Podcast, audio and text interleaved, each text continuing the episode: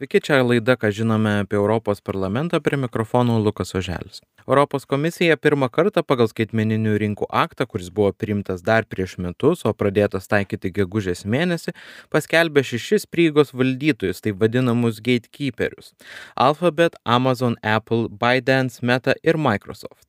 Iš viso priskirtos 22 pagrindinės platformos paslaugos, kurias teikia vadinamieji gatekeeperiai. Tačiau šis sąrašas gali plėsti. Šios kompanijos turėjo atitikti du kriterijus. Įmonės turi turėti ne mažiau kaip 45 milijonus aktyvių mėnesio vartotojų ir 100 tūkstančių metinių verslo vartotojų Europos Sąjungoje. Taip pat šių įmonių apyvarta pastaruosius trejus metus turi būti ne mažesnė nei 7,5 milijardo eurų. Įskirtos kompanijos privalo per pusę metų, tai yra iki kovo mėnesio, atitikti reikalavimų ir draudimų sąrašą. Komisija stebės, ar šie įsipareigojimai veiksmingai įgyvendinami ir kaip jų laikomasi. Jei prieigos valdytojai nesilaikys nustatytų įpareigojimų, komisija gali skirti iki 10 procentų visos pasaulinės įmonės apyvartos siekiančias baudas, o jei pažeidimas padaromas pakartotinai iki 20 procentų. Šiuo aktu siekiama pažaboti technologijos gigantų monopolį skaitmeninėje rinkoje. Šis įstatymas didžiausioms platformoms nustato taisyklės, kuriomis siekiama stabdyti žalingas praktikas, suteikiančias gatekeeperiams pranašumą konkurentų atžvilgių. Amazon, Google ir kitos kompanijos negalės savo platformose iškelti aukščiau savo produktų nei kitų kompanijų.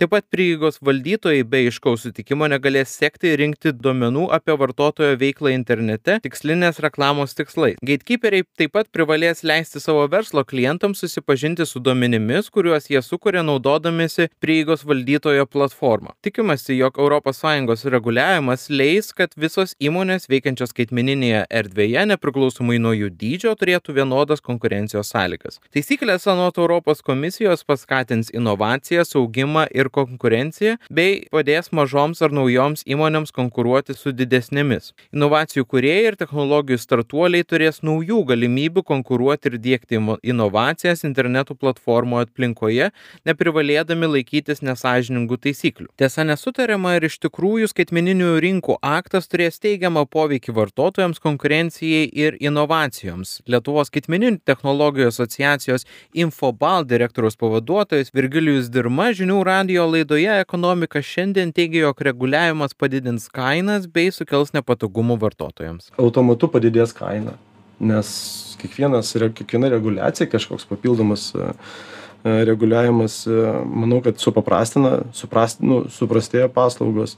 Aišku, didesnės vartotojo laiko sąnaudos automatiškai, nes reikia, reikia daugiau produktų aiškinti, žiūrėti. Be to, jo teigimu, skaitmininių rinkų aktas gali atbaidyti nuo investicijų, o ne jas paskatinti. Tyrimai rodo, kad maždaug 20 procentų kainuos daugiau inovacijos ES ir tie naujai, kurie turbūt investuotojai, kurie norėtų ateiti į ES rinką, gali rinktis kitas šalis. Infobal direktoriaus pavaduotojo nuomonė naujieji reguliavimai kaip tik iškreips konkurencijos sąlygas, o teiginys esą dabartinėmis sąlygomis sunku atsirasti naujiems žaidėjams yra nepagristas. Su tokiu Virgiliaus Dirmos vertinimu nesutiko konkurencijos tarybos konkurencijos grupės vadovas Pavel Jatsuski. E, šitose, šitose rinkose labai stiprus yra tinklo efektas ir labai didelio masto ekonomija.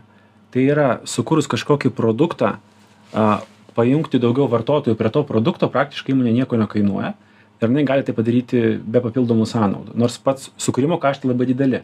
Ir dabar jeigu atsiranda naujas kažkoks žaidėjas, kuris nori į tą rinką įeiti ir pasiūlyti savo paslaugas, jam reikia investuoti labai daug pradžioj, bet jis tos vartotojų bazės neturi ir ir ir ją įgyti jam labai sunku dėl tinklo efekto. Tinklo efektas reiškia kad kuo daugiau vartotojų turi tam tikra paslauga tuo jinai papraste e, patrauklesnė vartotojui. Pavyzdžiui socialiniai tinklai.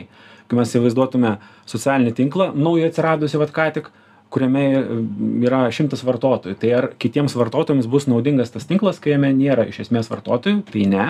Ir įgyti tą vartotojų bazę yra na aš nesakau kad tai yra neįmanoma bet tai yra be galo sudėtinga e, ir reikalauja labai didelių išteklių iš bendrovės. O o jau įsitvirtinusiem žaidėjam tą daryti yra labai lengva Taip žinių radio laidoje Ekonomika šiandien kalbėjo konkurencijos tarybos konkurencijos grupės vadovas Pavel Jatsuskiai. Tiek šiandienos laidoje, ką žinome apie Europos parlamentą, likite su žinių radiju.